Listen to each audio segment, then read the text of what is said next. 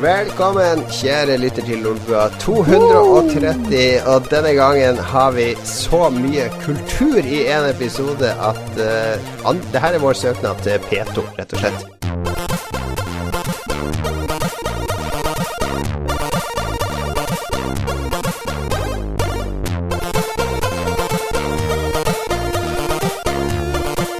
Det skal nemlig handle om bøker om spill i dag, og det skal handle om musikk og konserter og liveshow om spill. Lars, Ja, er du klar for kultursending? veldig klar, veldig klar. Vi, har, uh, vi skal få en rapport fra Back in Time fra Christian, og vi skal få høre masse om den stilige boka til vår special guest star. Christian, du er med oss. Du kommer rett fra Bergen. Det stemmer. Jeg eh, har så vidt fått vridd opp klærne mine etter at jeg var i Bergen eh, denne helga. Jeg hadde med svømmeføtter og sånt òg, for det var skikkelig vått der borte. Jeg skjønte at det var en fuktig helg på flere måter. Eh, Vi skal få en full rapport fra deg rett etterpå fra Back in Time i Bergen. Og så har vi med supergjest eh, fra Nord-Norge. Vi er alltid glad for nordnorske gjester, spesielt meg og Lars. Eh, Martin Bergesen, forfatter og kulturjournalist og hva annet. Hvilke andre hatter har du, Martin? For mange Nei, jeg har, jeg har faktisk veldig mange hatter. Jeg gjør litt sånn Ja. regi og lager litt musikk. Og så har jeg Ja, altså, jeg har to luer eh, som jeg alternerer mellom. Ja. ja. Kapser, hvor mange capser har du? Jeg tror, jeg tror ikke jeg har noen capser. Den tida i livet mitt er forbi. What? Sier du det? Du er bare 35 år gammel, det er, og uh, som mange andre, eh, minkende hårvekst. Da trenger man masse capser, er min. Men altså, jeg tror capstida mi var da jeg var sånn 15. Ok. Velkommen til Caps spesial, folkens. De, dette har vi snakka om før. Jeg er veldig glad å ha Martin i mitt hjørne. For jeg har jo nemlig snakka med Lars om at eh, jeg, når man nærmer seg 40, da er du for gammel til å gå med caps, du er for gammel til å gå med hettegenser og sånn. Lars insisterer på å kle seg som en 16-åring fortsatt. Ja. Det er for å prøve å få damer som er rundt 20, kanskje til og med ned til 16. Ja, for de tiltrekkes av 40-åringer i hettegenser og caps. Det, det er din teori? Hvis de er svaksynt nok, så har man en viss sjanse. All right. Vi skal uh, Vanligvis bruker vi å fortelle om hva som har skjedd siden sist i starten, men denne gangen så er det egentlig bare Christian som har opplevd noe superspektakulært siden sist. Så vi skal ha inn et segment med Christian først, og så skal vi kaste deg ut fordi uh, du uh, du trenger fortsatt Du har klær i tørketrommelen som må tas ut. ja. Eh, vi får et lite eh, segment fra deg her. eh, du har tatt opp litt fra Back in Time, men først, fortell litt om hva som skjedde nå i helga. For det var en stor begivenhet i, i Bergen. Ja, Back in Time Live det er jo en, en event som har pågått i noen år nå, men tidligere så har den pågått i England, i Brighton blant annet. Um, og hele konseptet er å hente inn tidligere store navn fra, fra spillmusikkbransjen og um, ha et liveshow, da. Og med store navn så mener du gamle navn. Ja, de, gamle navn og store navn. Det, Ja. det, de som var med nå eh, i Bergen, det var eh, Tell, eh, Chris Hilsbeck og Rein Overhand. Og disse er jo kjent eh, Altså, Chris Hulsbeck kjenner jo jeg godt fra Turrican. Det er vel kanskje den mest kjente sangen han har laga, en klassiker på Amiga.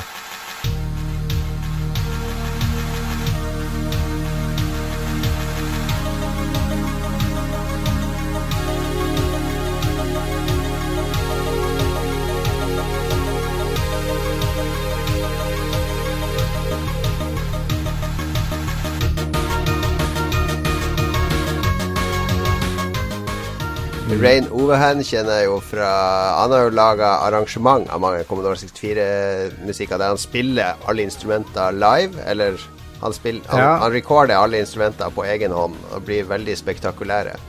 Han har jo kjøpt seg ei kirke i Nederland som han gjør disse innspillingene i. Kjapp seg i For- kirke. ja, det, det var ikke så vanskelig i Nederland, sa han, å få tak i ei kirke. Så bra. Så, eh, men han er òg den som lagde musikken til Last Ninja 3, da. Ja, nettopp. Mm. Mm. Og Jeroen til, han kjenner Han var vel egentlig i demoscenen, eller husker jeg helt feil her? Ja, han uh, starta vel opp i demoscenen sin med, med å lage musikk til demo og sånt, og så brancha han ut til å lage det til spill, som de andre to gutta òg drev på med. Og så skulle Ben Daglish også dukke opp, men eh, de som hørte hørt Sidbua 05, vår tribute, så vet vi at han døde 1.10. 52 år gammel. Hvis dere ikke har hørt den, så må dere høre meg og Christian litt uforberedt uh, snakke om, uh, om han like før det dro til Bergen. Men det Ja, ikke sant. Det var jo veldig trist at han gikk bort. han var jo et av trekkplasteret der, så uh, istedenfor å ha en bare ren fest, så ble det en liten sånn tribute og minnestund nesten til, til Ben Daglish. Mm. Ja, var det, det var, så det var trøkka stemning, liksom? Eller? Ja, det, det, det, var ikke noe sånn veldig masse sure miner og sånt, det var ikke det, men, men eh, folk eh, hadde det liksom i bakhuet hva vi mm. mangla, for å si det sånn. Og, og uh, når Fastloaders introduserte en av låtene som de spilte, var, som var um, en uh, låt av Ben Daglish, så kunne du høre at det var følelsene i bildet. Mm. Det var litt sånn uh, gåtefalt introduksjon. Ja. Så, ok, men ta oss med til Bergen. Du for ned på fredag. Sterkt forsinka fly. Jeg ble sittende på Gardermoen litt lenger enn jeg hadde tenkt. ikke noe stort problem, egentlig. Det går jo alltid sånn å drikke noen øl og mm. spise litt chilinøtter. Uh, kvelden starta med en sånn uh, Commodore kafé, der uh, en uh, siner som heter Glenn Rune, spilte en del SID-musikk, og, og, og, etter det så var det Slay Radio, hvis du har hørt om det. Mm. De, de, tok requests og spilte all slags musikk, både uh, SID og Amiga Mods og diverse. Og så var det konsert med disse gutta. Rain først og uh, Jeroen etterpå. Han, Jeroen kom veldig seint da han kom inn uh, typ kvart på tolv om, om, kvelden. Så det, det ble What? ganske seint uh, før uh, konserten hans var over. Ja. Men det var artig, og dagen etterpå så var det da uh, starta opp med samme måte, med, med SID-spilling av Glenn Rune og så Slay, og så var det da en Q&A med Composer Panel, som de kalte det, der, der de ble stilt en del uh, Mm. Spørsmål om hvordan de starta eh, å lage musikk, og hvilke softwarehus de likte best og likte minst. Og eh, Kult. Vi burde jo vært der. Vi skulle jo hatt det panelet, Jon Cato. Det er jo litt krise. Vi må eh, Vi burde vært der, men ja, vi, en annen gang. og så gikk vi glipp av mye regn, har jeg skjønt. Jeg tror det var en sånn regnrekord i Bergen nå i helga. Ja, det var helt crazy. Jeg hadde med meg solbriller, og selvfølgelig, de fikk jeg aldri bruk for. Eh, vanligvis er det sånn at hvis du har med deg paraply, så slipper du eh, regnet, men regn kom der likevel, så det I tillegg så kom det jo vind, så jeg fikk ikke brukt paraplyen heller. Mm. Uh, vår, gjest, eh, vår, gjest, Martin, du har jo dabla en del i musikk. Har du prøvd deg på chipmusikkens uh, salige toner noen gang? Jo, jeg har jo det. Um, jeg skulle lage en sånn temalåt til Pressfire en gang. som, som faktisk var en sånn halvveis chip-låt. Mm. Og, så pleide jeg å lage mye mer sånn jeg vet ikke, sånn lofi elektropunk, sånn rundt uh, 2003 eller noe sånt. Da dro jeg faktisk også til Bergen for å høre på chipmusikk. Mm. Uh, da var det det var en sånn, Jeg vet ikke hvor aktiv den bevegelsen egentlig er lenger, men Du, Vent litt, Martin. Var det her på starten av 2000-tallet, når det var en sånn papprobot som dansa, og det ja, var litt der? Inne, inne på Landmark. Ja, jeg var der. Jeg var på et sånt museum eh, nede Der var vi på samme sted. Det var før vi kjente hverandre, Martin. Ja, fy faen. Jeg, jeg, jeg kjente Jeg booka også. Uh, video home training, var det det? Mm. Jeg tror det, det, det var mer sånn artsy, eh, den moderne chipmusikken, mens det Christian har vært på, er jo veldig sånn retro-nostalgiaktig. Eh, mm, så, så ja. det er jo en, en, viss forskjell. Men så morsomt at vi var på samme sted. Uh, ja, Christian, er det noe uh, hva er det største minnet du vil ta med deg fra denne helga, bortsett fra regnet? Nei, Det var konserten med Fastloader. Så høre alle de gode, gamle låtene eh, innpakka i heavy gitarmusikk og sånt, det er kult. Mm. Absolutt. Så uh, jeg syns vi skal spille en låt uh, som de hadde. De, den nevnte låta med, med, Mira på fløyte. 'Wastelands Loaderen' fra Last Ninja.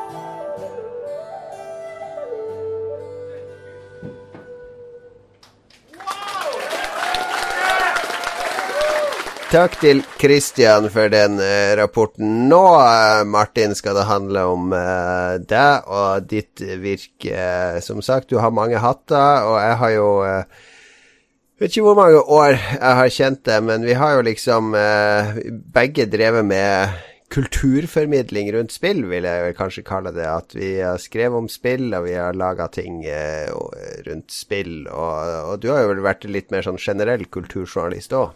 Ja, generell journalist ofte. Ja, fordi en av de Når jeg ble kjent med deg tidlig, så var det vel eh, Var vel du mest kjent for at du var i den der badstua der han fyren daua av heteslag i Finn What? Finnmark? Ja, det var, det var, et opplegg. Eh, jeg var deltakende journalist for Dagbladet Magasinet. Og så eh, Det her var VM i sauna? VM i sauna i eh, Heinola, var det vel. Eh, og, og, og det, var, det, det, handler om å bare sitte inne i en sauna til, eh, til du må gå ut, og så den siste mannen vinner. Så det er jo sånn uh, Starter med sånne puljer, og sånn, så går det til en finale. Og så uh, Ja. Og så var jeg den aller første person som røyk ut. Jeg kom på aller siste plass i den konkurransen. nice. Det er, det er, 110 varmegrader. Det er sånn 100 Jeg vet ikke om det heter 100% eller noe sånt, men 100% luftfuktighet, noe sånt. Så det er helt sjuk varme der inne. 110 varmegrader, det går ikke an å, å eksistere. Det, det, gjør det over en kort periode av tid. Men eh, så i finalen da, så viste det seg at den uh, korte perioden med tid, den, uh, den er ikke så veldig lang. Så de satt jo sju minutter, de guttene. Um, og han ene, han russeren, han hadde jo tatt på seg sånn smertedrepende krem. Han var jo oppe i 60-årene. Um, så han hadde jo dopa seg, selvsagt. Uh, og så, uh, så, så den andre som satt der, han så jo ut som uh, som The Wrestler. altså det lange, blonde håret sammen med Hele fyren ligna. Han var verdensmester i mange år på rad, da altså metallarbeidere fra Lahti. Uh, og han la hele sin ære i det her. Alle på det her arrangementet sier Timo, he is the machine. Somehow he has found a way to master the pain. Så det, det var sånn folk snakka om han da. Så, uh, så, og året før så hadde de sittet i 13 minutter, men det her var en ny sauna. Det var en, sånn, en eller annen sånn teknisk greie igjen, da. Enda mer teknisk krøll. Uh, og eh, så, så, den ble veldig mye mer varmeeffektiv. Så den ble jo sånn at Du puster jo inn den lufta, så jo, du blir jo på en måte kokt innvendig også, da. Og ja, så de Han russeren han døde på stedet, og så gikk Timo i koma. Så våkna han fra koma, klarte seg selvsagt mot alle odds. Etter det, jeg tror de påsto at det var Jeg har aldri hørt om det før, men at det var en fjerdegrads forbrenning. Eh, og klarte seg likevel. Og så er han litt sånn kjendis i Finland nå. Selvfølgelig. Så Det er jo det ultimate du kan gjøre i Finland. Det er å nesten døde og havne i koma i sauna, men overleve. ja, det var Det høres ut som han og Matti Nykinen er sånn selvskrevne reality-deltakere. Det- Det er mesternes mester i Finland er litt annerledes. Men det, det var noe av det første jeg hørte om det når jeg ble kjent med Martin. Men så har du, du har jo dabla med mye annet òg. Du har vært innom uh, Hjulpet fritt ord med en antologi, og du har jo skrevet Veldig sånn forkjemper for kulturstoff rundt spill eh, i Norge. Ja, det er vel det, liksom, den innfallsvinkelen jeg har hatt på det, for det meste. Um, uh, så uh, ja. Ikke, ikke så mye jeg, jeg, prøvde å få på saker om e-sport og sånne ting også i, i litt mer sånn uh, uh, ulike aviser og sånn, men det, det var før e-sport tok av, da. Så da, ja. da var det ikke så lett å få det på. Jeg mener jo at podkastene i Norge ivaretar liksom kulturaspektet av dekninga litt bedre enn enn mange av de der Eller enkelte av de spill Eller massemediene, i hvert fall. Der det nesten er helt utradert, eller det er sånn betalt innhold fra Komplett eller sånne ting. Ja, helt klart. Altså, altså hvis du går til alle Altså, nisjemediene i Norge er jo fortsatt ganske bra på å dekke spill som kultur. Men mm. eh, problemet er jo Altså, du får ikke noe dekning utenfor menigheten, da. Eh, som, er, som, er, litt den grunnen til at jeg skrev den boka. Vi skal tilbake til den boka. Det er bare én ting til jeg har lyst til å nevne. Det er jo at forrige gang jeg satt eh, og snakka med deg over nett, Martin, eh, da satt vi vel på Skype, og da hadde vi vel eh, hva heter sånn der, Lars, i USA, når de, de, sitter sånn før sånn film, og så leser de opp dialog og sånne ting? Sånn der uh, script reading. Okay. Jeg, jeg, jeg, har jo vært med i en film som du har vært med Ja, det har du jo faktisk. Det, du, ja. har, du har ikke sett den, du? Nei, jeg har ikke sett den filmen ennå. Jeg må få vise den til deg. jeg husker du drev og skrøt om at du skulle være med i en film. Det, hva skjedde med det? Jeg har vært med i en film. Bare spør Martin. Martin var jo med og filma meg og, og uh, regisserte meg. Ja men, ja men, du var jo uh, Det var jo en glede å jobbe med deg, for du, uh, du kunne jo alle replikkene dine. Og Ja, men du hadde fin innlevelse og jeg husker vi, vi, hadde ganske kjapp innspilling på akkurat den der scenen der. du satt jo og var liksom sånn liksom Knausgård. Du må, må, fortelle hvilken film er det her, hva det handler om. Uh, det her er en novellefilm jeg lagde fordi uh, en venn av meg skulle lage et soundtrack, så da trengte han en film. Så jeg lagde i en 20 minutter lang novellefilm. Uh, ja, så, så det, var, det, var, en opplevelse. Hvor vi får se denne filmen? Uh, jeg legger den nok ut på nettet etter hvert. Det, det vi har tenkt er bare prøve å sende den til litt sånn festivaler og sånt, og så ser. Og så etter det så skal den nok uh, ut for alle. Meget interessert i å se scenene til Jon Cato. altså, hvis det er 20 minutter lang film, så kan vi jo eh, Kanskje vi kan få den som forfilm før Lolbua episode 2.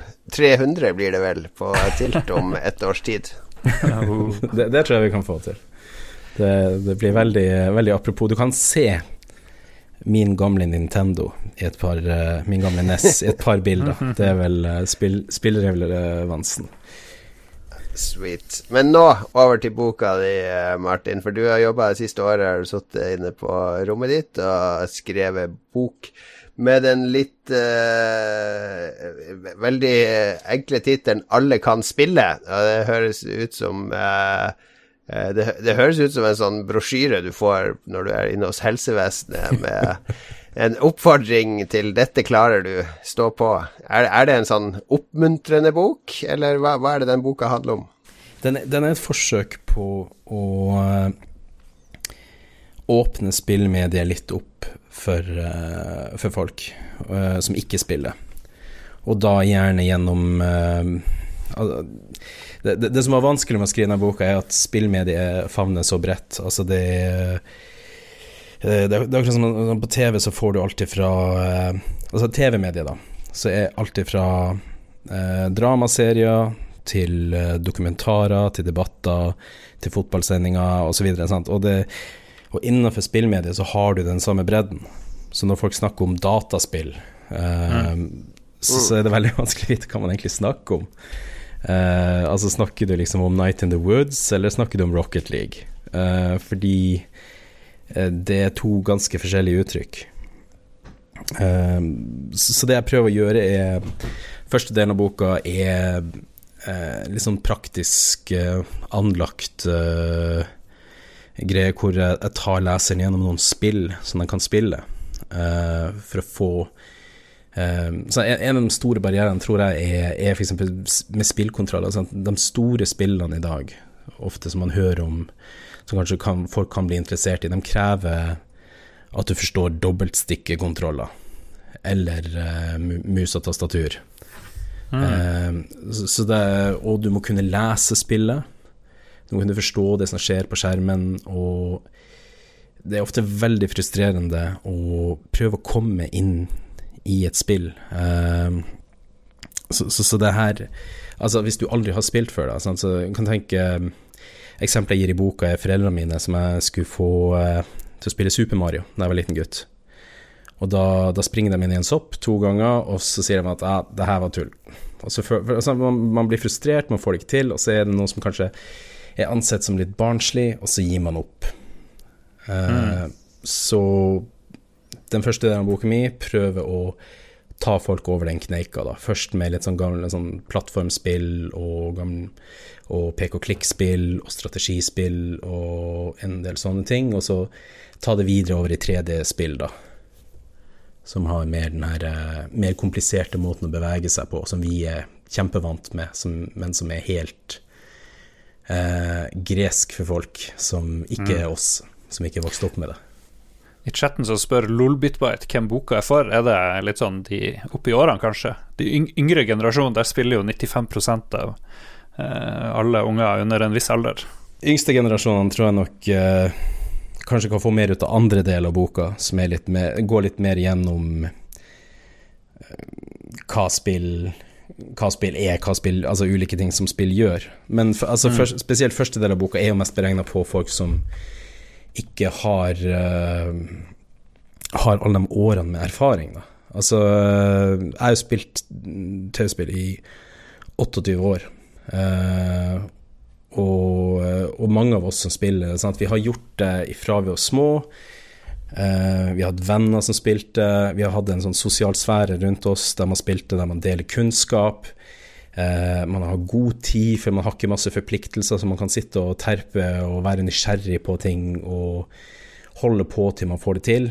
Mens, mens når du blir litt mer voksen, så, så er det vanskelig å bare komme i gang med det her, da. Hvis du ikke har, eh, tror jeg, et eller annet holdepunkt som eh, eh, for, det. for det er ikke vanskelig å spille, egentlig, men det er bare det akkurat å komme over eh, den der eh, lære å sykle-greia i starten, mm. som eh, og, og, jeg mener jo at det her jeg sa om spillmedie, og liksom kunne se den bredden i det, jeg tror det også er vanskelig hvis du ikke har i hvert fall litt spillerfaring før du For det å bare lese om spill og få en sånn teoretisk tilnærming til spill uh, Det er liksom da, da, stiller du deg Det er som å stille seg bak den TV-skjermen for å forstå hva fjernsyn er. Sånn du, du, hører lyden, men du får ikke med deg det viktigste. Mm. Uh, det, du nevnte at du brukte altså, foreldrene dine som eksempel, og, og Mario og sånn. Er det litt sånn personlige historier i starten? Litt sånn opplevelsesbasert? Eh, for jeg, jeg tenker jo litt på den boka til Tom Bissell, som jeg vet at mange som ikke spiller, eller har forhold til spill, de, kan, de har lest den boka og får om de ikke lærer å spille, så får de i hvert fall en forståelse for hvorfor man spiller. Mm. Jeg ja. snakker om den boka. E- Extra Lives heter den boka av Tom Bissell. Ja, altså Extra Lives er jo, uh, er jo på en måte gullstandarden innen spillbøker. Uh, så, så, så, jeg har gjort en del uh, sånne ting. Altså Gjennom hele boka egentlig så er det Det er mye personlige fortellinger. i den. Altså, det, det jeg starter med, eksempel Altså, jeg, jeg, tror at vi, vi tar til oss kunnskap bedre hvis vi får det pakka inn i en fortelling. Så det har vært mye av utfordringa med boka har vært å um, klare å finne fortellinger hvor jeg kunne trekke inn mest mulig sånn relevant uh, kunnskap for en begynner, da, samtidig. Uh, og motivere folk. Så den uh, boka starter jo med historien om kona mi, som jeg skulle lære å spille. Mm. Og det Ok. Hun Altså vi, uh, vi hadde en Xbox, da, og så skulle jeg uh, jeg, jeg, ville, jeg, ville, at hun skulle spille, sånn at vi kunne spille sammen. Og så uh, gir jeg henne som det første spillet hun skal få prøve. Så her skal vi slå på stortromma og vise at det her er stor kultur og sånne ting. Så jeg gir henne Bioshock. og det det gikk ikke så bra, altså. Det, jeg, vet, jeg, ikke om dere husker første bane i Bioshock, der du har en sånn uh, uh, Du kommer til et sånt rom der blir alle utganger blir stengt av, og så får du sånn rødt lys og masse alarmer, og så kommer det bare en sånn bølge med fiender på deg. Bra start. Da ga hun eh, opp ganske greit, fordi det, det, altså det var bare helt det, det, er så frustrerende. Altså, egentlig så kunne hun bare fortsatt. Hun kunne bare blitt gjenoppliva i sånn Vita Chamber og så eh, gått vid drept videre til hun hadde tatt dem. Men, eh, men, men, det igjen, var så det er jo en eh, sånn spillogikk som hvis du ikke er eh, Nemlig. trent eller opplært i spill, så skjønner du ikke det. Altså, dør du i en film, dør helten i en film, så er det jo Det det jo Da går handlingene en helt annen vei. Ja, sånn, så det mye av utfordringa også har vært å på en måte prøve hele tida å ta meg ned til det nivået at liksom, ok, men det her vet faktisk ikke leseren min, uh, så det her må jeg forklare. Og jeg må forklare det, og jeg må forklare det, og jeg må forklare det. Så det er sånn uh, Som også er det som ofte kan gi meg litt sånn angst når jeg skal forklare spill til folk som ikke spiller, fordi at hvor starter man, ikke sant? Det, det, det, det, jeg tror det er også mye av det som er grunnen til at man samtalen stopper opp, fordi at det, det, er så mye Før du kan ha Før du kan si noe meningsfylt om hvorfor det Altså, Night in the Woods uh, starter med at ho, hovedpersonen uh, det, det, er på en måte et plattformspill, men det går ikke fra høyre mot venstre, det går fra Nei, venstre mot høyre, det går fra uh, høyre mot venstre. Sant? Og, forklare at det Mhm. grepet i seg sjøl er et historiefortellende grep, retningen hun går i i plattformspillet for å vise at hun går tilbake i tid, og går, liksom, hun flytter hjem hos foreldrene igjen for å droppe ut av college. Eh? Altså, for å kunne forklare noe sånt, så må du ha en del forkunnskap om hva som er vanlig Mm.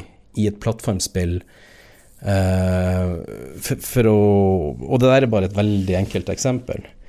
Så, så, så alle de her tingene som vi kan se spillmediet gjør nå, der, der spillmediet gjør så utrolig mye kule, nye ting eh, med, med f.eks. historiefortelling. Da. Jeg er jo veldig inne på historiefortelling. Det er liksom min greie med spill, ofte. Men er det ikke enklere, tenker jeg, høyt nå, da, fordi de aller, aller fleste skjønner Tetris, som er Mhm. veldig abstrakt, eller for eksempel eh, Candy Crush, Uh, fordi det er, det er veldig enk... Altså, jo, jo mer abstrakt, jo enklere å forholde seg til spillet, tenker jeg, for folk som ikke spiller, mens jo mer eh, naturtro det skal være, altså Bioshock, å simulere virkeligheten, jo verre er det å få, eller å skjønne det for folk som vanligvis ikke spiller. Ja, altså det er jo noe der òg. jeg har jo ikke gått så veldig dypt inn i sånne ting som uh, inn, i, inn i Candy Crush og sånne spill, for at de, det er ofte spill som folk lærer seg veldig enkelt på mobil sjøl. Mm. Når er det boka kommer? Når kan folk kjøpe? Kjøpe den her til sin mor og sin far? Og ser vel ut som 22. november i uh, slippdatoen. ok Kommer den digitalt òg? Går det an å Ja. laste den ned noe sted? Den blir, eh, det blir e-bok. Vi har jo uh, Vi har jo en sånn forhåndsbestilling nå på bidra.no, der man får både bok og e-bok Ah. i én liten pakke. Hvis, hvis folk trenger opplæring i å lære å spille, tror du de klarer å laste ned en e-bok?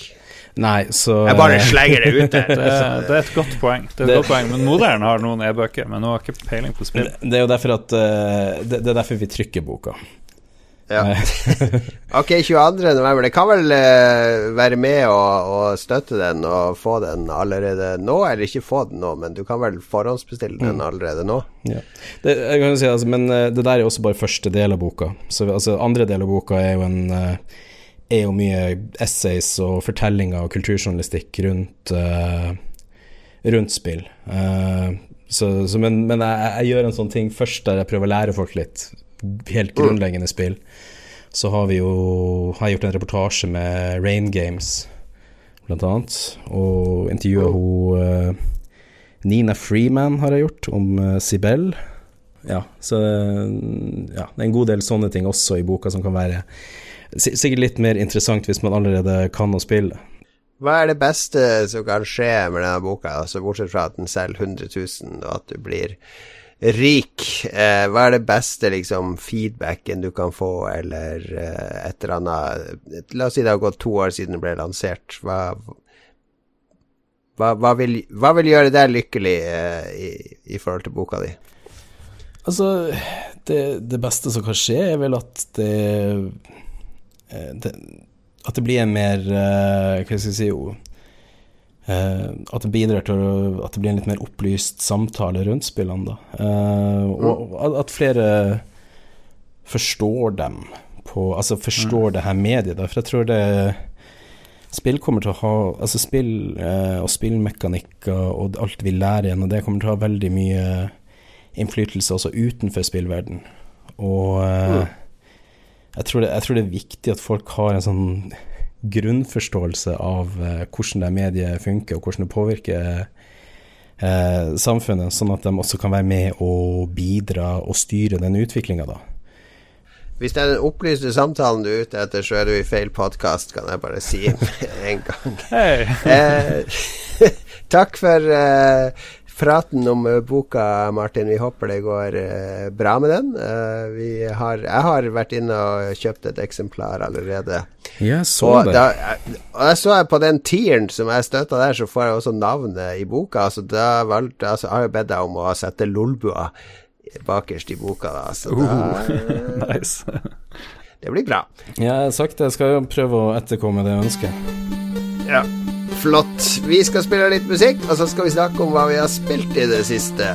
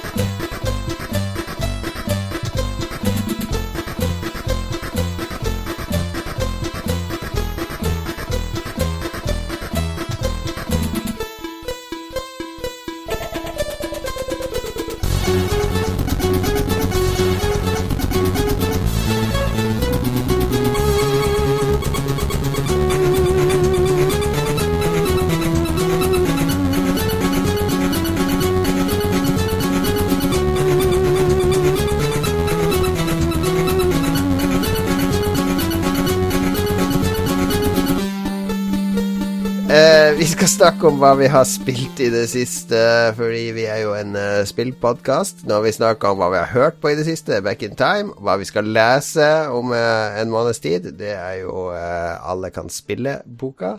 Men uh, den røde tråden i vår podkast er jo at vi prøver å spille noe hver uke, så vi kan formidle litt tanker om hva som skjer rundt spill. eh, aktuelle spill, gamle spill osv.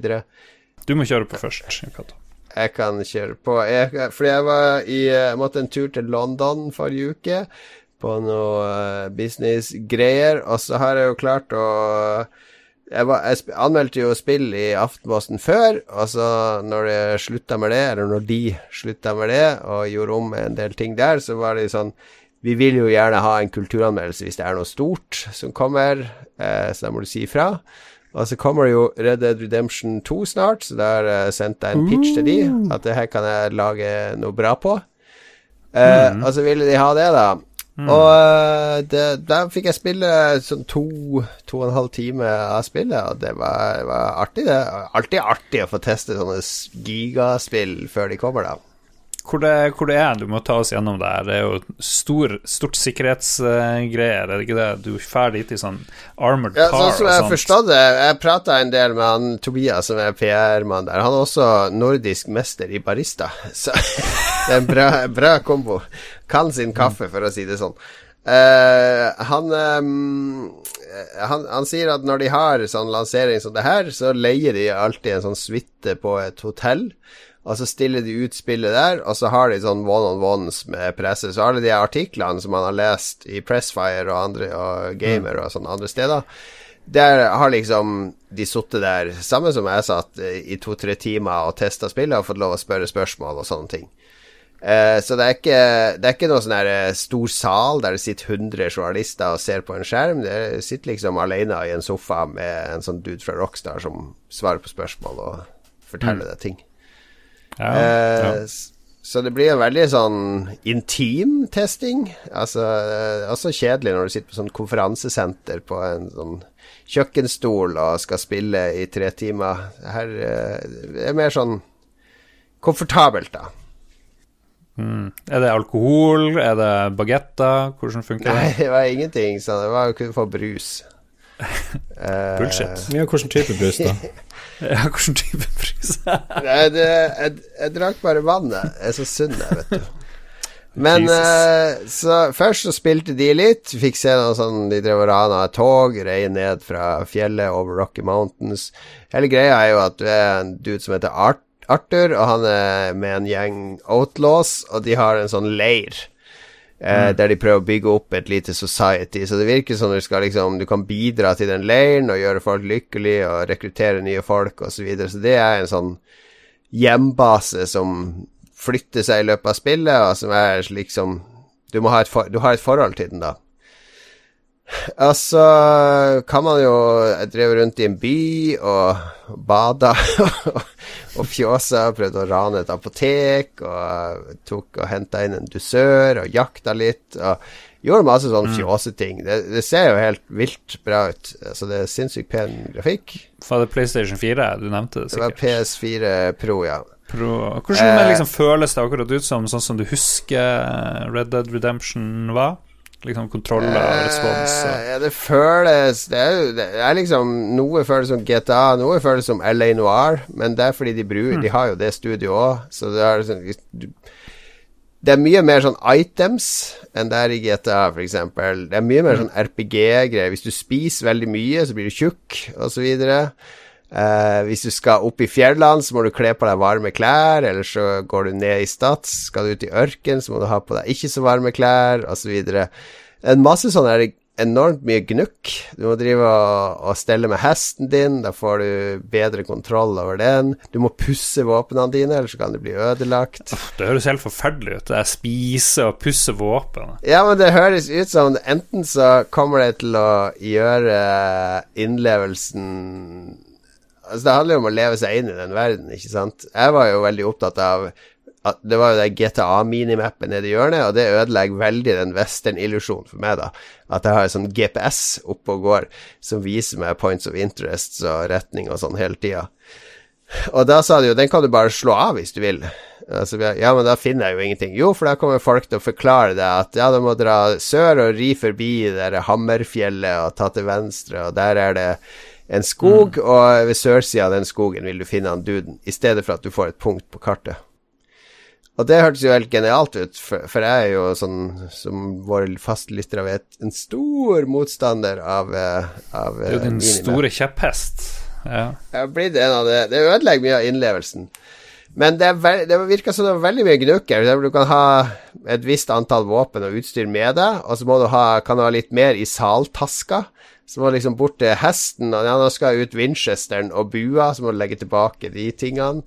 Og ekstremt mye sånn logistikkting, da. Og du kan kjøpe 1000 forskjellige saler og bridles og sporer og sånne ting som øker og reduserer stattene på hesten lite grann.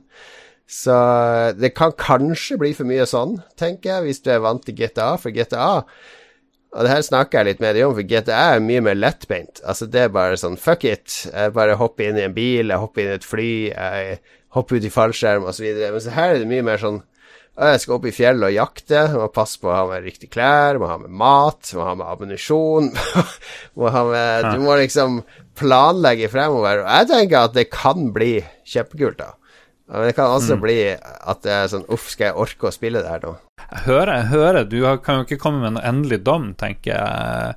Eh, men, eh, men eh, det høres ut som du hater det spillet. Det Nei, jeg har jo Det har gitt meg mye å tenke på, da. Men det, det er også ting som jeg syns er utrolig kult. For eksempel, det er ikke uh, I vanlige sånne type spill så kommer du til en by, og så står det sånn dude med sånn utropstegn over hodet, eller Det er sånn helt åpenbart at jeg skal gå til han, og til han og til han, for de har oppdrag til meg. Mens her, når du kommer til en by, så du kan holde inn en sånn knapp, og da er alle, uansett folk, så kan du snakke med dem. Så regel er det sånn howdy eller hi eller et eller annet. Hvis du er veldig skitten, så vil de kommentere det. Kanskje vil de ikke snakke med deg. Hvis du har dårlig rykte, så vil de bli redd for deg, osv., osv. Må drive og Jeg hadde vært og Det høres ut som ork igjen. Jeg hadde jo vært og jakta med pil og bue og skutt en sånn hjort som hadde flådd, og så hadde jeg tatt liket over skuldra og festa bak på hesten og jeg skulle ta han med inn til byen for å selge kjøttet, og han bare 'Ja, må du skynde deg, fordi hvis du rir for lenge, så begynner det å råtne, og da vil ikke slakteren ha det.' Bare, okay. What? ja. altså, jeg for inn til byen og solgte det, og skinnet prøvde jeg å selge, men det fikk jeg ikke så mye for, og det var fordi jeg ikke hadde truffet den hjorten i hodet, for da blir det jo hull i ja, pelsen, mm. så videre. Eh, veldig masse kule detaljer. Men så, når jeg gikk rundt i byen, så sier han yeah, people, people are kind of scared to talk to you now because you have blood on your jacket. Ah. Så jeg bare, Hæ? Ja, fordi jeg hadde båret den hjorten over skuldra, så da så du at det var masse mm. blod der. Så da måtte jeg inn og ta et bad og få vaska klærne. Og Det var utrolig mye gnukk, altså. Uh, men ja. det som skjer i den byen, er jo at du får ikke oppdrag. Nå prater jeg veldig mye. Jeg blir for mye. Ja, det er jo redd, det, nei, men det er jo et stort spill. Det, det høres litt ut som Deadly Premonition.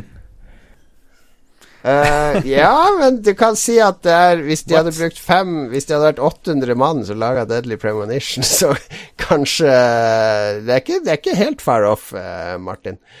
Uh, men det som var med de oppdragene Fordi du går rundt i byen, og så hør, overhører de dialog her og der. Og det er sånn eh, at eh, bla, bla, han og han er sett der og der, eller observert der og der, eller det har skjedd noe rart, det var en brann i en låve der og der.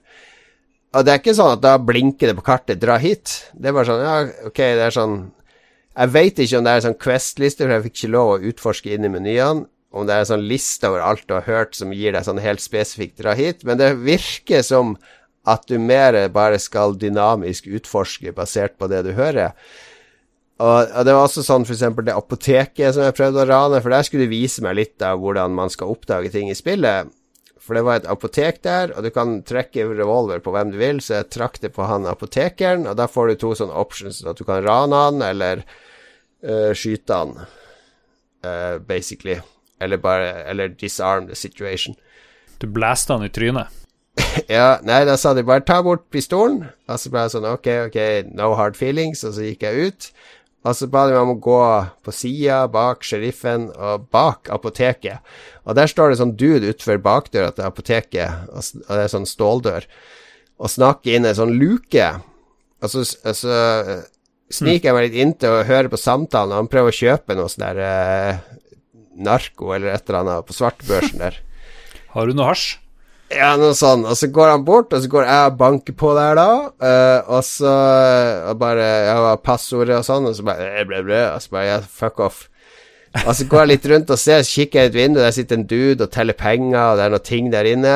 Og så går jeg på forsida igjen, og så tar jeg opp revolveren til han der apotekeren inne i uh, butikken. Og da har du en tredje option, sånn der be han om å låse opp bakrommet, f.eks. Så det virker som Det her var jo helt sånn organisk utforsking at du oppdaga den. Det var ikke noe sånn der uh, Noe som dytta meg den veien, da. Så hvis de klarer å gjøre den verden såpass levende at du føler at din utforsking faktisk belønner deg uten at det skal poppe opp disse Ubisoft og Activision eh, pop-upene, EA pop-upene, som hele tida skal belønne dem med 'Discover this! Found the secret backsroom!' Det, det var ikke noe sånn noisy mm. greier, ikke sant? Er du, er du, ready for Red Dead Redemption 2, Martin? Ja, jeg er klar. Jeg er klar. Det, det, kommer, altså det er greia med å skrive bok, er at du ikke kan spille noe annet enn de spillene du skriver om i boka, for å liksom sjekke mm. dem på nytt. Så jeg har eh, en backlog fra helvete nå. Uh, og så kommer både Fallout 76 og Red Dead, og det Ja. Mm. I teorien så skal jeg spille det. Ja. Litt mer skeptisk og veldig intrigued etter å ha hørt deg snakke om det, ja. GC. Altså, det er jo alle som har vært og spilt det, det er jo sånn unison hyllest, men jeg har jo mine ting jeg er skeptisk til, så Men det var veldig jeg, jeg, jeg gleder meg veldig til å prøve det ordentlig hjemme i fred og mak. Ro og mak, heter det vel. Det høres ut som du liksom må kunne bry deg om alle de systemene for at det skal kunne funke. Ja, du må eh, Det er et spill som krever at du investerer deg sjøl i spillet, tror jeg. Ellers kommer du til å slite. Og det var veldig mye kontroller. Altså Nesten sånn Metal Gear-aktig med hold inne den og trykk på den og gjør ditt. Sånn som Kojima elsker å gjøre i Metal Gear 2 og 3. Eh, så, så, det er ikke noe casual-spill. Definitivt ikke.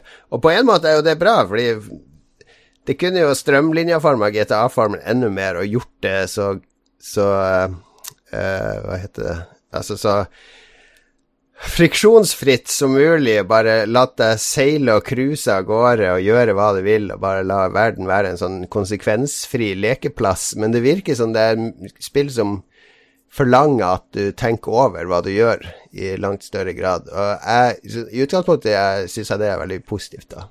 Martin, hva har du spilt, bortsett fra alt du har spilt til boka di? Jeg har spilt ferdig klarte endelig å spille ferdig Night in the Woods. Det var superkjekt. Uh, men det har dere sikkert prata mye om allerede. Nei, nei, nei, vi har ikke det, så prat om det. Nei, ok, nei, det er jo uh, Det er stas å komme hjem og være ei deprimert dame som har droppa ut av college. Uh, ja det men uh, Nei, det, altså det var, det var, en veldig fin sånn uh, Det var en veldig fin spillopplevelse. Gå og spille Spille bassgitar. Altså det, det, handler veldig mye om egentlig å feile. Å hva, er, hva, er det slags spill? Det er, det, det er sånn 2D med dyr, er det ikke det? Night in Woods er jo en, på en måte en 2D-plattformer, men det er egentlig et uh, sånn utforsker-adventure-spill. Uh, hvor man er, ja, som sagt, da, ei eh, dame som dropper ut av college, flytter hjem til uh, den lille småbyen sin, som er ja, i ferd med å bryte sammen fordi at alle går arbeidsledig, og alt er egentlig litt sånn kjipt der. Uh, og så hooke opp med de gamle vennene sine igjen, begynne å spille i det gamle bandet sitt igjen, og så er det sånn uh, uh, ja, sånn rocke sånn musikkspill-type underspill der du er veldig dårlig i bass, hvis det er meg, i hvert fall. Mm. Jeg husker jeg ble veldig frustrert i den her eh, spill-rockband-aktige sekvensen. så, så, veldig realistisk gjengivelse av hvor dårlig jeg er på bassgitar eh, i det spillet, følte jeg. Og så Men så utvikler det seg jo gradvis mer gjennom en sånn Det finnes et litt sånn underliggende mysterium, da, men det det tar egentlig ikke så stor plass. Det handler mest om å bare henge med vennene sine. det, det, det, men, men det, det, er godt skrevet, da, uh, som er uh, det, ser, det, er ganske, det er ganske langt spill. Uh, men, så det får liksom tid til å En av de mest interessante tingene med det liksom, er hvordan det håndterer at de, veldig mange av folkene i spillet har litt sånn depresjoner og, og sånne ting, og gjør det til en litt uh, Den blir på en måte en del av tapetet, da. At uh, Ja, men, men, men det, det, det, er sånn det, det, er for det meste historiefortelling som har enkelte sånne ting, valg du kan ta, men som Uh, ja, for det meste er ganske satt, men som er så godt skrevet at man uh, kommer inn Jeg kan liksom ikke snakke for mye om det heller, for det blir sånn uh, Det blir veldig Det er veldig lett å spoile det spillet. Hvis man skal begynne å snakke om de eh, litt mer kule tingene som skjer etter hvert. Eh, men, eh, men et jeg kan snakke om, bare sånn at ikke andre folk spiller det, er Killing Det aller siste jeg spilte, var Killing Time at Lightspeed. What? Aldri hørt om. det, er, det har vært en del prat om det spillet. Det har fått mye skryt. Det, er, det handler om at du er en Vi er i år 2040 et eller annet. Og eh, folk da drar til andre planeter for å få jobb eh, og sånne ting. Um, Er det arbeidsledighet på jorda? Er det derfor må folk ut? Da? Jeg har bare spilt eh, spill om folk som er arbeidsledige. I det siste, faktisk. Det er ikke tull engang. Eh, så eh, Jo, ok, så, så, ikke, så, så man er en person som skal reise til en eller annen Jeg husker ikke hva den planeten heter, men eh, den reisa er sånn sup, Vil oppleves superkjapt for meg, da, men mm. det vil gå 29 år på jorda. Eh, det vil Ah. oppleves som en halvtime. I løpet av den Ja. halvtimen, eh, som egentlig er flere timer i spillet, så, eh, så er jeg kobla på eh, sosiale medier. Så eh, hele spillet foregår eh, i den sosiale mediefeeden min, i nyhetsfeeden og i, eh, og i meldingsboksen min. Så følger jeg da livene til vennene mine på jorda, eh, og hvordan de går. Eh, så, så har kjempefint potensial. Eh, fordi at jeg kan snakke med Jeg kan sende dem meldinger og sånne ting, men det har egentlig ikke noe særlig påvirkning på hva som skjer. Og så er det Altså er det bare ikke bra skrevet, altså. Det er sånn eh, Det har kjempepotensial, men så går det i den her litt sånn fella med å skulle snakke om eh, sånne sosiale problemer gjennom å bruke kunstig intelligens og noe Denne Blade Runner-greia. Eh, for, for at i år 2040 så er alle problemer med rasisme og undertrykking av homofile og transfolk, det er liksom bare, det er bare fiksa. Så nå er det roboter vi skal tenke på. Og det Jeg kjøper ikke helt at ting bare kommer til å ordne seg i løpet av 20 år nå. Eh, men eh, Og det, det er litt sånn eh, Men uansett, altså det, det er veldig mye det det handler om, da. At nå kommer det noen roboter, noen kunstig intelligenser. Og så er folk skeptiske til dem, og så kan man gifte seg med kunstig intelligens og sånn. Så det blir sånn Ja. Det, det har mange interessante steder det kan gå, men det går dit. Nei, men kult. Hva du kalte det siste spillet? Uh, 'Killing Time at Lightspeed'. Da slipper vi å spille det, men det var et veldig kult konsept. Det er et ekstremt kult konsept. De bare Ja. Gjør, gå, gå bare i masse sånne science fiction-klisjeer. Jeg har spilt uh, Soul Calibur 6. Trodde først jeg hadde fått Soul Calibur 4, men det er så feil kan man ta. Er de kommet Ja. helt til 6 allerede? Ja, er var femmeren? Jeg har ikke peiling. Jeg har liksom eh, Jeg tror ikke jeg spiller Jeg tror jeg faktisk Jeg prøver å huske noen etter den første. Soul Calibur var jo dødsgull når det kom på Dreamcast. Du, du husker det? det var jo ja. et stort kvantesprang fra PlayStation som var på den tida, til mm. Soul Calibur på Dreamcast. Men så toeren, treeren, fire Det var en blø. Jeg syns jeg husker at Darth Vader og Yoda var med, Ja, og ja. sånne ting. Ja, mye ja, tull. De kjører jo på det videre. Nå er jo han Geralt eh, of Rivia med fra The Witcher. Herre er. Ok, ja. Hva? Men du har fått det her fra Bandai Namco? Bandai Namco, jeg tenkte fuck it, eh, jeg er jo fighting-spesialisten nå. eh, Fighting game-spesialisten Ja, etter er eh, Mortal Kombat Kombat. X. Ja. Så, men jeg var jo veldig glad i først Soul Blade. Kom i eh, 96, tror jeg det var. Noe sånt. Verdens beste introsang fremdeles. Ja, den er kul. Ja, med en kul intro, og så kom to år etterpå, tror jeg det var. Uh, Det var litt mer kom. Soul Calibur. Ja, men Soul Calibur, det første til eh, Dreamcast, kom i 98, tror jeg det var. Eh, 20 år siden. Så hadde du vel Soul Edge før det på PlayStation, Ja. husker jeg. Det var, men jeg vet ikke helt hva Det er sikkert en eller annen japanofil som korrigerer oss vilt nå. Eh, eh, Ja. det- er Ikke sammen eh, Ja, det var veldig mye forskjellige navn. Ikke? Soul Calibur, Soul Edge, Soul Blade. Veldig mye liksom ditt og datt.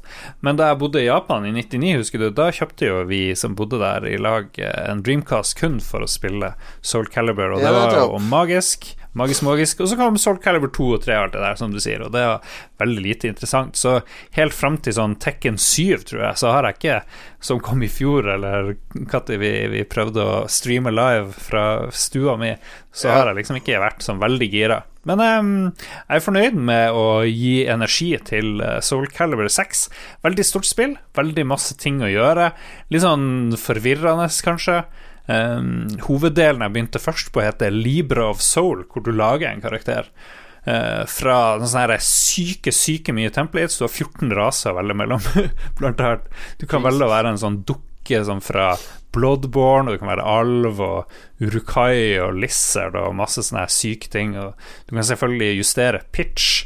Sånn, du kan ikke bare justere litt på stemmen din, du kan justere masse på stemmen din. Og så er det egen meny for horn og hale og forearms, arms, pectorals, hips Kan du share de her designene online, liksom? Eh, er det som decals i bilspill og sånn?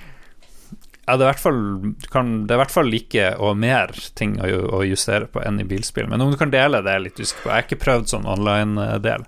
Men jeg lagde i hvert fall ei dame basert på her Sofitia. Sofitia. Ja, selvfølgelig. Som, Hvem ellers? Hvem ellers? hun som fer rundt med kort skjørt og sverd og skjold. Eh, så jeg lagde henne som en hot elf. Er det hun som har sånn move der hun hopper opp med skrittet i ansiktet på folk og brekker nakken deres? Nja, jeg vet ikke om de knekker nakken, men hun hopper opp med skrittet. Det er jo et legitimt move i wrestling, eh, føler jeg har sett. Så jeg lagde henne der Sofitia da, som en hot elf som heter Emily, og Uh, hun våkner opp i skogen. Det gjør sikkert alle i den der uh, Libra of Soul-delen, som liksom spillet anbefaler deg å begynne med. Og da er det noe som heter The Evil Seed, som regner nedover hele jorda.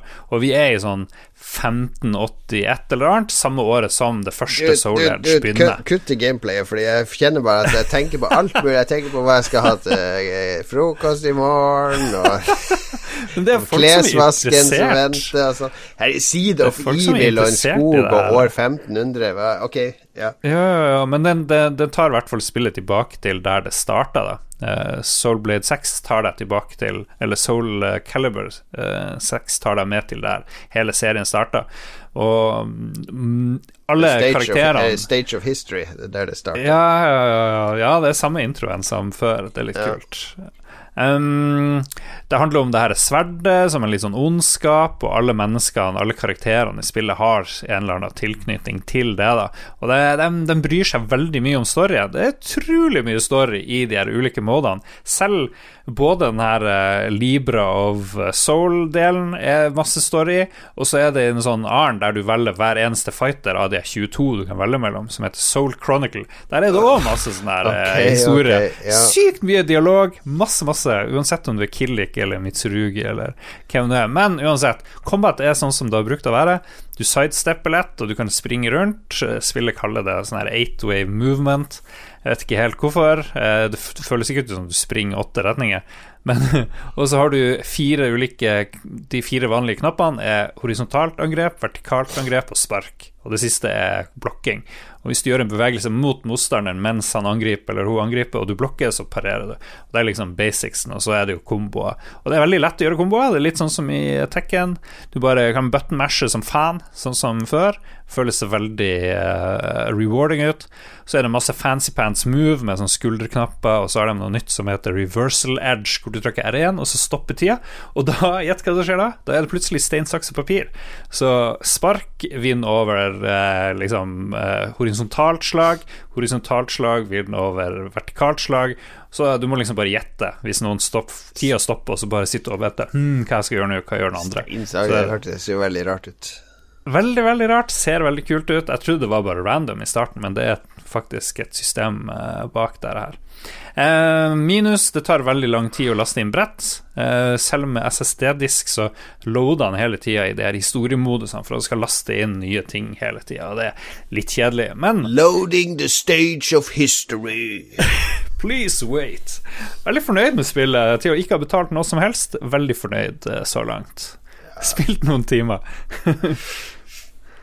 Kommer du til å spille mer, er jo spørsmålet. Eh, ja, hvis jeg får noen gjester og sånt. Ja. Men eh, jeg vet ikke. Vi får se. Vi får se.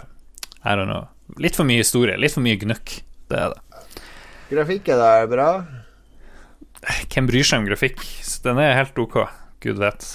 Fun Herre, Det er sykt. Det er masse sånne Det er veldig mye menyer. da Du har blant annet Du kan høre all musikken, du kan se alle videoene. Masse historier, masse masse tekst. Bare, Se for deg en foss med historie. Den der heisen i The Shining åpner seg, og ut kommer en million eh, arts eh, Sånne concept art-ting og background om alt mulig. Og eh, musikk fra alle de forrige spillene og sånne ting. Så hvis du elsker Soul Calibur-serien, så bør du jo få det her uansett. Yes, hvis vi Det er vel sikkert fem stykk i Norge som jeg tenker elsker Soul Calibur-serien. Hvis én av de hører på oss, det tenker jeg er ca. 1 sjanse at en av de hører på oss. Det her er spillet for deg. Litt deprimerende at det her er den anmeldelsen jeg har lagt mest sjel i nå på ett år, eller noe sånt. Så få som bryr Det seg. er det. Ja, ok. Ja, det, det, ja, det, sier, det sier litt om litt av hvert, egentlig. Nei da. Det var bra innføring i spillet. Det er ikke noe for meg, det hører jeg med en gang. Ikke spiller jeg med folk, jeg vil helst Eller jeg spiller med folk på nett, men uh, Mm. Slåssespill er Det er litt ferdig med akkurat den sjangeren, med mindre det er noe helt bisarre greier. Ja. Martin, hva du syns? Jeg vet litt, han er ikke her. Vi tok opp det her senere, fordi vi kunne ikke ta det opp live. transcending history and the world, a tale of soul and swords, eternally retold.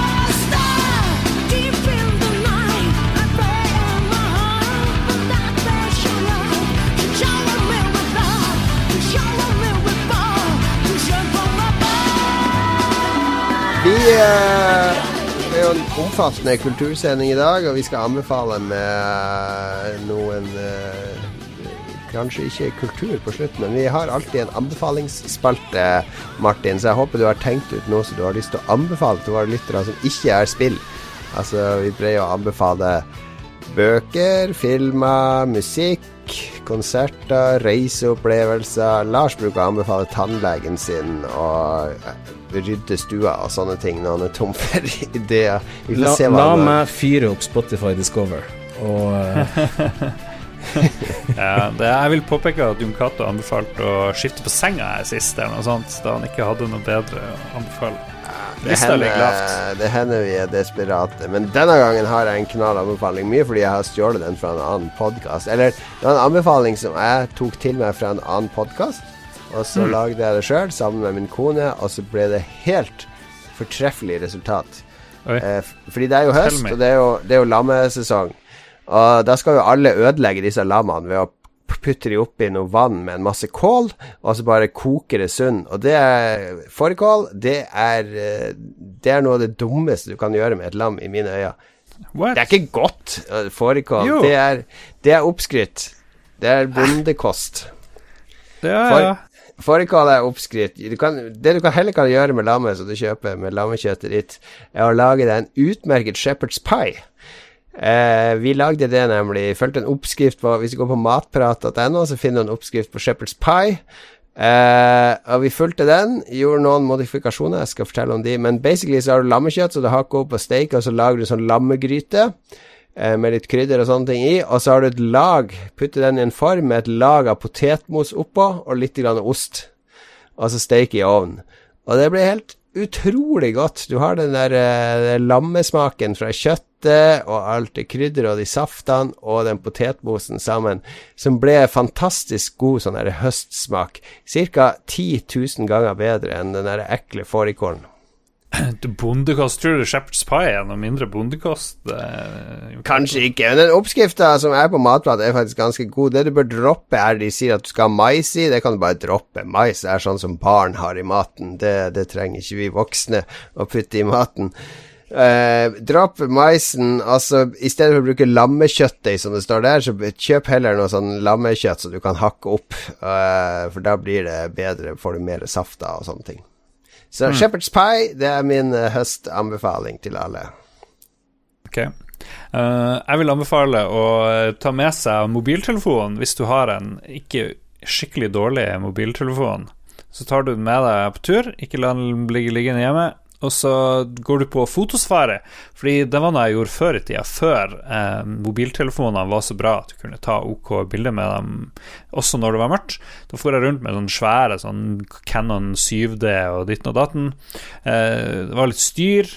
Du, du kan liksom ikke bare dra på en tur og så kanskje ta noen bilder. Da for du ut for å ta bilder. Men når du nå har den der eh, nye fancy Huawei P20, av de her som har sånne helt sinnssyke kamera, så kan du like godt eh, dra rundt med det formål å kikke deg rundt. Se liksom nøye, finne noen kule fotomotiv der jeg er. Og da vil du oppdage at nabolaget ditt og de andre plassene du er på, de får en helt annen, sånn, en helt annen betydning, og, eh, og du vil oppdage ting med dem. Eh, Du ser plutselig nye hus. Det er helt sykt.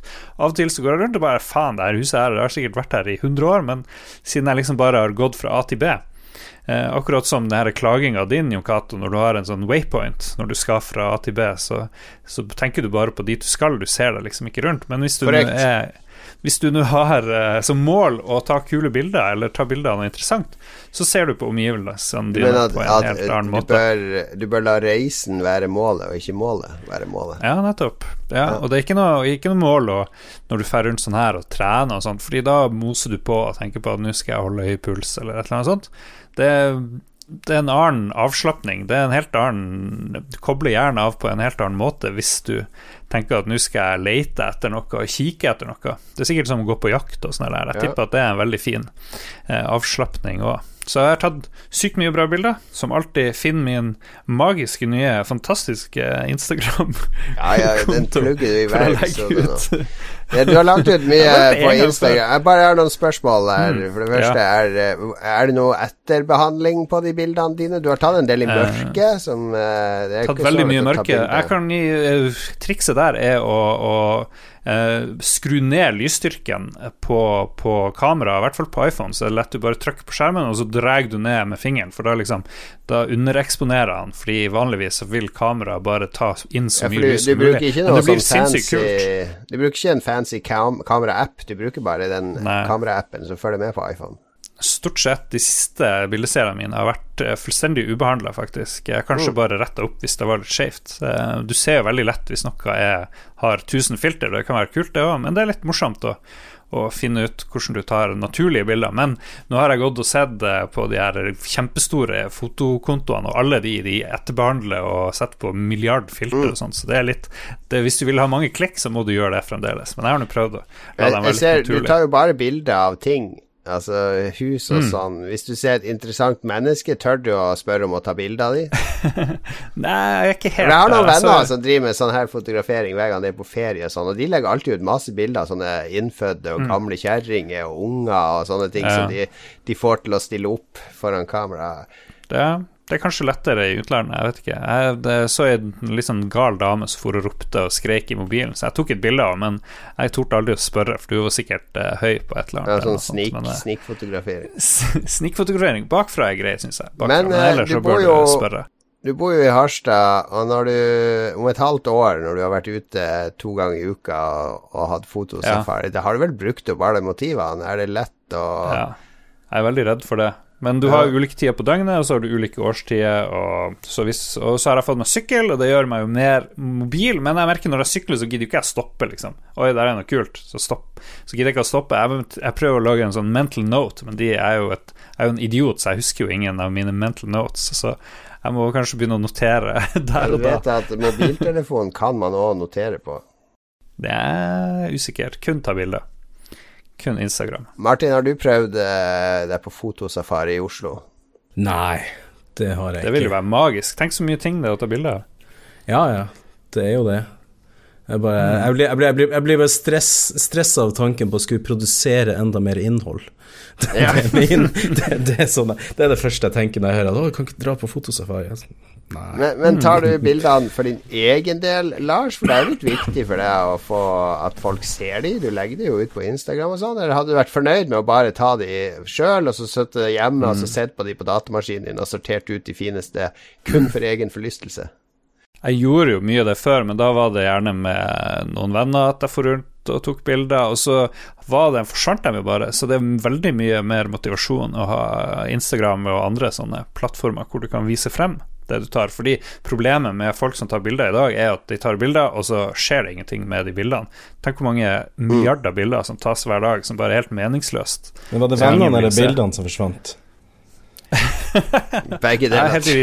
det Høres ut som du prøver å finne en bildeplattform som får deg til å beholde vennene dine. Ja, ja, ja. ja. Ja, Jeg tenker Av og til så tenker jeg at nå burde jeg legge ut noe på Instagram eller Snapchat, men det er, det er som regel alltid når jeg sitter på do. Og så er det det å ta bilde av de her flisen, doflisen på gulvet, er, det er morsomt en gang. Ja, nei, men jeg vet ikke, Hvis du nå finner på å gå, gå rundt, bare se deg rundt, så eh, passer det jo godt å ta bilder. Så det vil jeg anbefale alle å teste ut. Ok. Martin, har du en anbefaling på lur? Eh, Skal vi ha ei helt jævlig bokanbefaling eller ei sånn veldig kjedelig appanbefaling? Nei, det er eh, jævlig Altså, det må være noe som du anbefaler Å, folk å den bruke tid på, og som vil berike livet til folk. Jeg elsker den boka, den har berika livet mitt. Men, Ja, flott. eh, Ta boka, da. Jeg ble mest nysgjerrig på den. Ja, ok. Det er Infinite Jest av David Foster Wallace.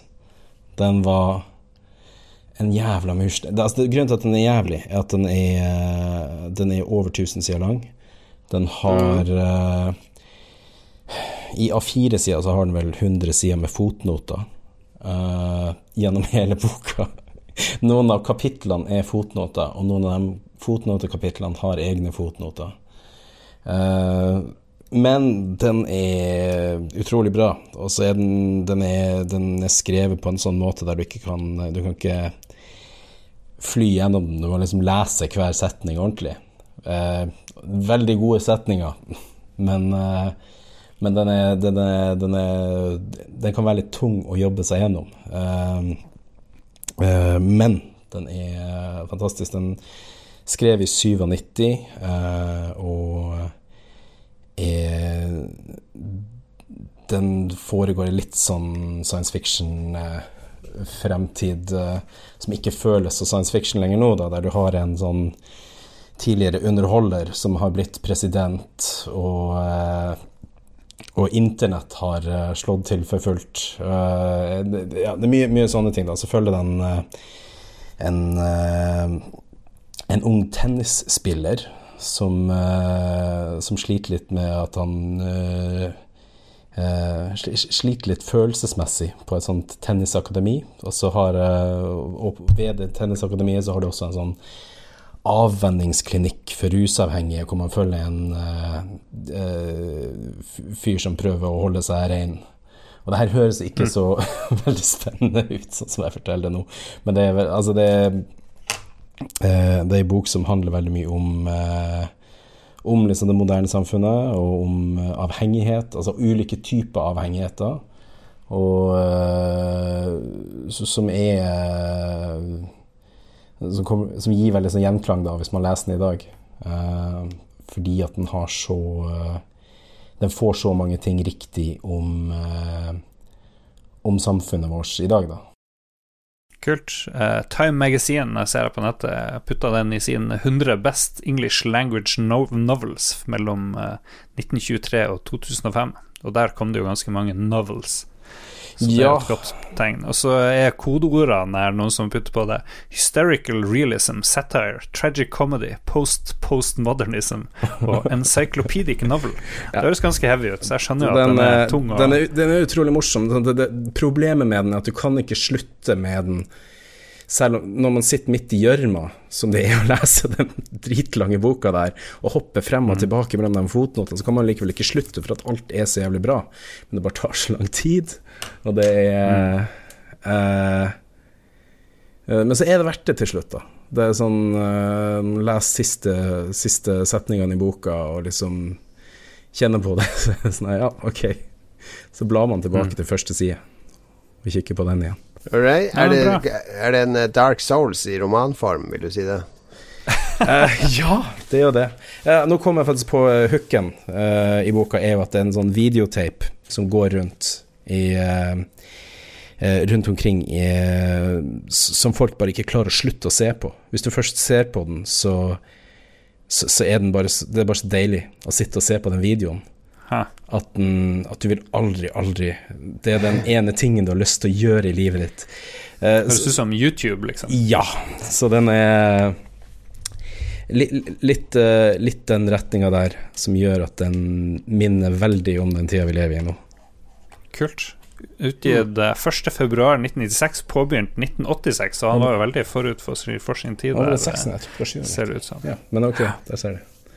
Veldig bra anbefaling. Det var tre gode anbefalinger her. Altså, Først skal du ta deg en lang tur ut på fotosafari. Knips i vei. Folk og fe og ting og tang. Eh, se omgivelsene dine fra et nytt perspektiv. Deretter, når du kommer hjem, setter du en deilig shepherd's pie i ovnen. Og mens den koker, så begynner du på Infinite Jest, David Foster Wallace eh, sitt eh, store mesterverk. Eh, Du blir neppe ferdig med den før Shepherd's Pien er ferdig, men vel verdt å lese utover i vintermånedene, altså.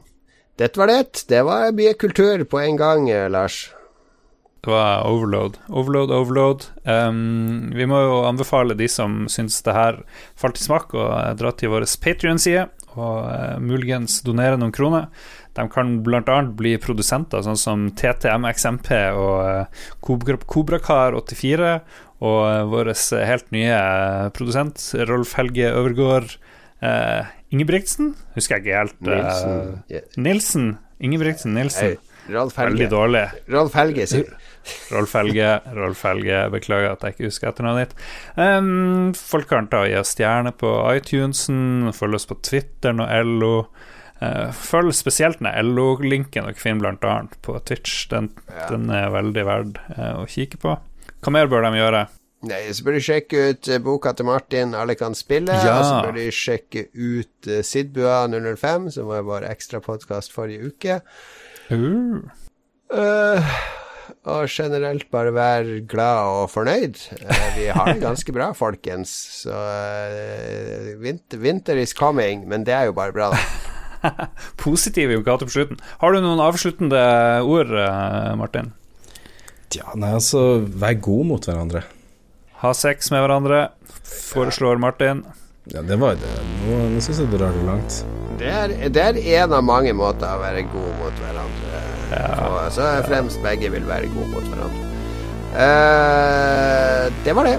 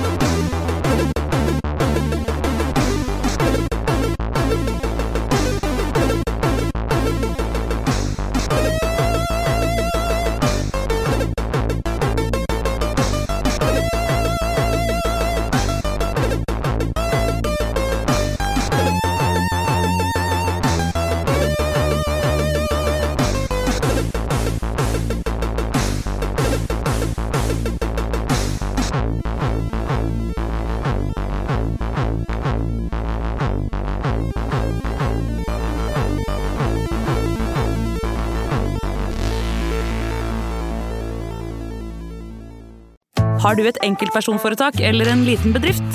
Da er du sikkert lei av å høre meg snakke om hvor enkelt det er med kvitteringer og bilag i fiken, så vi eh, gir oss her, vi. Fordi vi liker enkelt. Fiken superenkelt regnskap.